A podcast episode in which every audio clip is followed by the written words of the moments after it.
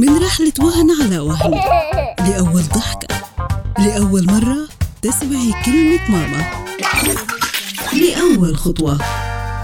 أي سؤال يخطر على بالك في كل هالمراحل. ست الكل نور تجاوبك عليه. اسأل نور على ناس إف إم وناس بودكاست. فن تعامل المراهقين مع الغرباء أو الناس الغريبة عن بيئتهم ومحيطهم. يشعر أي مراهق بعدم الراحة عندما يتواجد بين الناس أو عدد كبير من الناس لانتقاله من فترة الطفولة إلى فترة الاستعداد للرشد. غالبا ما يشعرهم التعامل ببعض من القلق. من علامات عدم الراحة مع الغرباء تجدهم يشدوا في أيديهم المهتزة أو عدم قدرتهم على التواصل البصري بشكل جيد. نور اليوم حنسألوها كيف يمكن أن نوضح للمراهق مدى أهمية تفاعله مع أي إنسان غريب. لازم نفهم المراهق إنه هلا بلش بعمر إنه لازم هو يخلص أموره الشخصية.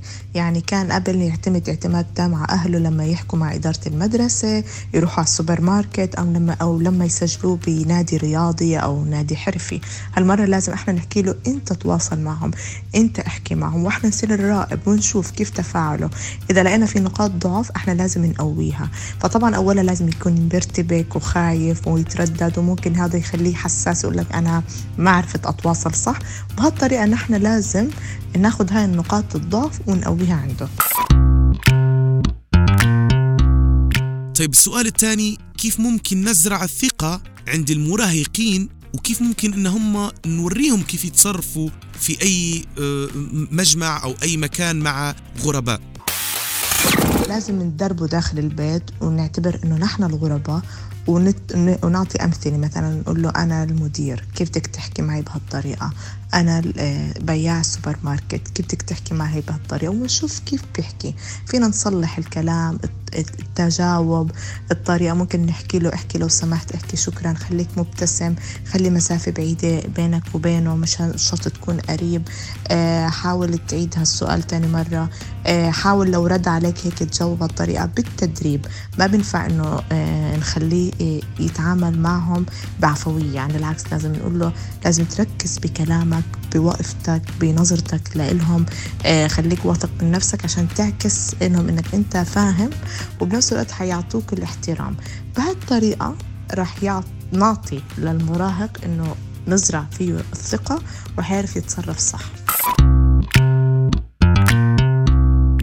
طيب السؤال الثالث وهو الأهم كيف نعلم المراهق أنه هو يحمي نفسه من أي غرباء ولكن نتعامل معهم في نفس الوقت بشكل جيد. طبعا لازم نفهموا إنه الحياة فيها مخاطر ما حدا بيعرف من وين بيجي الخطر فلا بد إن يكون عندنا حذر. مثلا ما نروح على أماكن بعيدة أو مثلا حدا قال لك تعال وراي من غير ما تعرف شو السبب. آه بنفس الوقت لازم يضل متواصل مع أمه وأبوه. آه لو تقابل مع أي حدا وحكى له إشي خارج عن نطاق الحديث اللي كان متعود أو العلم علموه أهله يرجع يسألهم يحكي معهم. فيحاول قدر المستطاع إنه مش أي غريب يحكي معه. يحاول يحكي مع الناس اللي هو محتاج يخلصوا له الأمور اللي معروفين مثل مدير مدرسة بائع آه، أستاذ أكثر منه يحكي مع ناس ما بيعرفون بالمرة أو إنه طلبوا منه طلبات آه، غير غير منطقية. فلازم كمان نرجع لنقطة إنه لازم نحاور آه، أولادنا وبناتنا المراهقين شو تتوقعوا يحكوا شو ما يتوقعوا ما يحكوا. لازم نفتحهم إنه ممكن يصير هيك تصرفات ولازم تكونوا حذرين ما تكونوا خايفين أو توافقوا على أشياء غير منطقية. فالحذر ونحميهم لازم نحكي فيه قبل ما يوقعوا فيها ويكونوا هم الضحايا.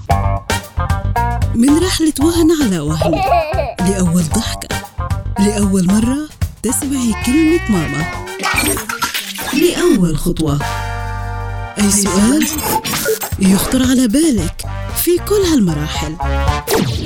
ست الكل نور تجاوبك عليه. اسأل نور على ناس إف إم وناس بودكاست.